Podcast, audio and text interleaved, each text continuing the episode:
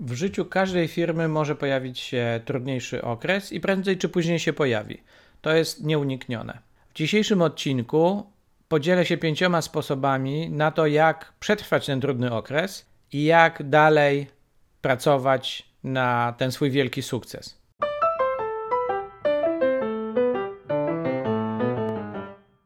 Niezapracowani. Podcast o sukcesie i wolności w biznesie. Zapraszam, Filip Nowicki.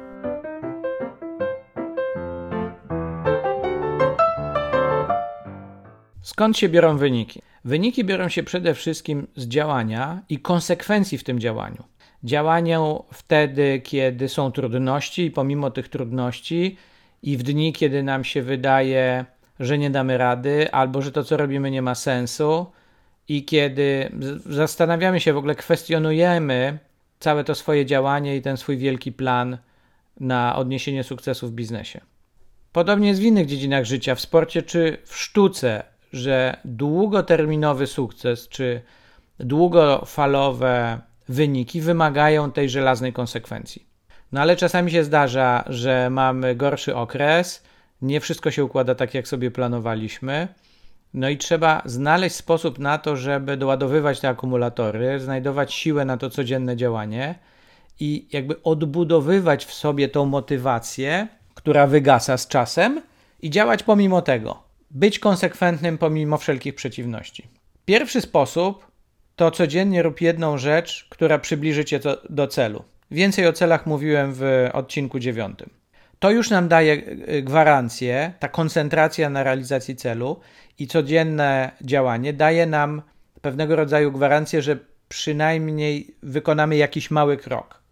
I ten codzienny mały krok wreszcie nas kiedyś do tego celu przybliży. To jest również pewnego rodzaju tworzenie nawyku, to znaczy i bycia skoncentrowanym na tym celu codziennie, ale również właśnie wykonywania tych małych kroczków. Charles Duhigg w swojej książce Siła nawyku mówi o czymś takim, że złego nawyku nie można wykasować. Można tylko wytworzyć inny nawyk i zastąpić jeden nawyk drugim nawykiem. Czyli tak jak kiedyś na kasecie magnetofonowej można było nadpisać nową muzykę na starą, ale w zasadzie nie było sposobu, żeby z tej taśmy po prostu tą starą wykasować. Drugi sposób, którego się nauczyłem od Harva Ekera na jego szkoleniu, to żeby na koniec każdego dnia wymienić pięć swoich sukcesów. Pięć rzeczy, z których jestem zadowolony, pięć rzeczy, które sam zrobiłem, a niektóre się po prostu wydarzyły, i, i to z tego jednego dnia.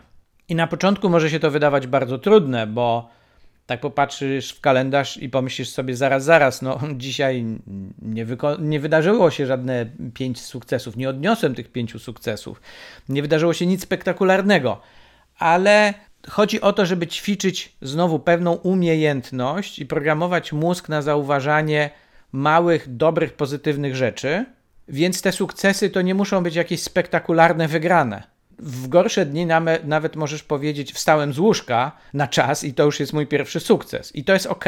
Chodzi o to, żeby ćwiczyć nasz mózg i programować na zauważanie tych małych sukcesów, tych małych czasem pozytywnych sygnałów, słabych pozytywnych sygnałów, które będą przeciwwagą dla ogromnej ilości negatywnych informacji, które codziennie do nas docierają, zwłaszcza jeżeli zdarza ci się otwierać tak zwane media, czytać y, czy słuchać jakichś wiadomości, to w nich jest ogromna przewaga wiadomości negatywnych. No bo to napędza ten rynek medialny, że uwagę przyciągają jakieś drastyczne y, albo negatywne wydarzenia. Dzięki temu media zyskują czytelników, widzów i słuchaczy, ale z drugiej strony my jesteśmy tym bombardowani w taki sposób, z którym nasza głowa sobie słabo radzi, no bo po prostu nie był to E, kiedyś mechanizm naturalny dla, dla człowieka. Także chodzi o to, żeby tymi pięcioma codziennymi sukcesami ćwiczyć swoją uwagę na rzeczy pozytywne. Sposób trzeci to są poranne rytuały. Możesz sięgnąć tutaj do książki Hala Elroda Miracle Morning, która w Polsce ukazała się pod tytułem, wydaje mi się, Fenomen Poranka. I on pisze o cudownych porankach. I co to są te cudowne poranki, jak je stworzyć, jak je sobie zaprogramować. Chodzi o to, żeby codziennie poświęcić trochę czasu, tyle ile możesz.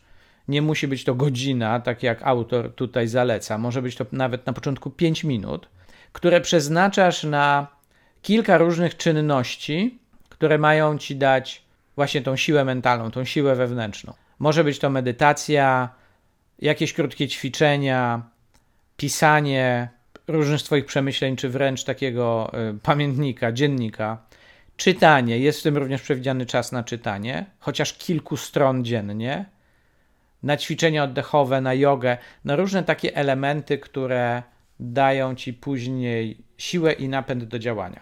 W tych cudownych porankach chodzi przede wszystkim o to, żeby codziennie rano znaleźć na nie czas i miejsce w swoim kalendarzu i w swoim życiu, niezależnie od tego, jak one są długie i z czego się składają. On oczywiście w tej książce proponuje jakiś konkretny układ, jakąś sekwencję tych różnych czynności, tych różnych zajęć, ale ja, ja zacząłem to robić jakiś czas temu, chyba półtora czy dwa lata temu, i zauważyłem, że później z czasem mi się to zmienia, że mam jakby preferencje, żeby ich kolejność czy skład tego poranka, nazwijmy to, yy, co jakiś czas zmieniać. No po prostu taką miałem potrzebę. I uważam, że każdy powinien sobie to dopasować do własnych preferencji.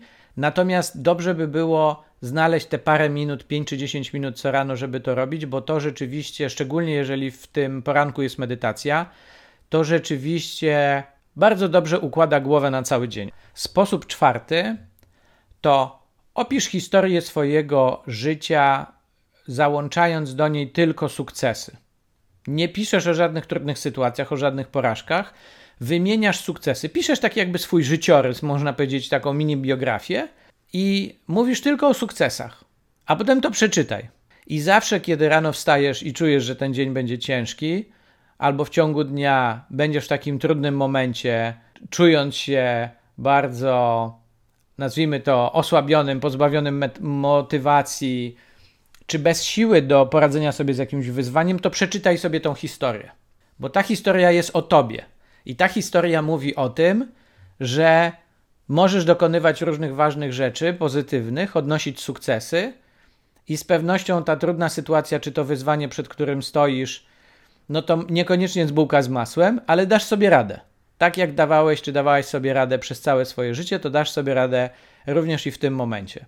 Z jednej strony wiemy, że to jest taki trochę zabieg na naszym umyśle, ale z drugiej strony, pomimo tego, że wiemy, to to działa. To naprawdę bardzo dobrze działa, dodaje energii, daje takiego kopa przynajmniej na to, żeby poradzić sobie z tym, co w tym momencie przed nami stoi i co wydaje się ścianą nie do przejścia. A jeżeli tą ścianę nie do przejścia przejdziemy, to będziemy mieli kolejny sukces do dopisania do tego życiorysu. Bardzo serdecznie Ci polecam zrobić to. To jest w zasadzie praca jednorazowa, no potem trzeba aktualizować ten swój życiorys, y, ale rzeczywiście daje niezłego kopniaka i taki duża piguła pozytywnej energii. No i sposób piąty to jest regularne ładowanie baterii. Na przykład możesz podjąć taką decyzję, że nigdy nie pracujesz w weekend. Niektórzy pracują 7 dni w tygodniu, niektórzy nie, ale zrób sobie miejsce w perspektywie tygodnia, po to, żeby zachować tą cykliczność, na to ładowanie baterii. Może to być na przykład czas dla siebie, którego nikt nie zaburza, jakby nikt nie ma wstępu w tym czasie i dostępu do ciebie, ani znajomi, ani praca, ani nawet rodzina, kiedy jakiś y, kawałek, y, na przykład niedzieli, poświęcasz tylko sobie. I robisz wtedy to, co uważasz za stosowne, to, co ci w danym momencie jakby pozwoli się zrelaksować i nabrać siły. Może to są ćwiczenia fizyczne, bo Głowa lepiej pracuje, jak jesteśmy dotlenieni, ale również jak mamy wysiłek. Ciało, organizm lepiej sobie daje radę. Tak zostało e, zbudowane, że my potrzebujemy wysiłku, a dzisiaj większość z nas siedzi, siedzi cały dzień siedzi i w dodatku w domach. W związku z czym mamy mało kontaktu z innymi ludźmi, mało kontaktu z wysiłkiem fizycznym. Trzeba gdzieś na sztywno wpisać sobie to w kalendarz i faktycznie ten wysiłek podejmować bo wtedy kolejny tydzień będzie, że tak powiem, rozpoczynany z wyższym poziomem energii, która właśnie płynie z tego, że nasze ciało pracowało. Może to być też zaplanowanie czegoś specjalnego na weekend, jakiś krótki wyjazd albo jakaś atrakcja, która pozwoli głową oderwać się od pracy, zapomnieć o tych wszystkich problemach, które tam w poniedziałek rano znowu na nas spadną i y, też daje taki trochę oddech i, i spojrzenie na swoje życie i też na pracę z innej perspektywy. Życie to nie jest tylko praca, jeszcze są inne ważne obszary i elementy tego życia. Ważne, żeby mieć na to czas, żeby to ładowanie baterii było, było takim zajęciem regularnym, a nie kiedy już kompletnie nie mamy siły i podpieramy się nosem, to wtedy planujemy nagle z urlop i siedzimy na leżaku, leżymy na słońcu i nic nie robimy. No to też nie jest chyba dla nas naturalne. Czas ładowania baterii też może być czasem na wykonywanie jakiegoś hobby. Chodzi o to, żeby kompletnie zresetować głowę, trochę poćwiczyć ciało i dzięki temu się zrelaksować, nabrać optymizmu i nabrać energii do działania w kolejnym tygodniu. Mam nadzieję, że te pięć sposobów Ci pomoże. Jeżeli któryś szczególnie dobrze zadziała, to daj mi znać i chętnie o tym posłucham. Pozdrawiam serdecznie, życzę siły i wytrwałości w realizacji celu i do usłyszenia w kolejnym odcinku.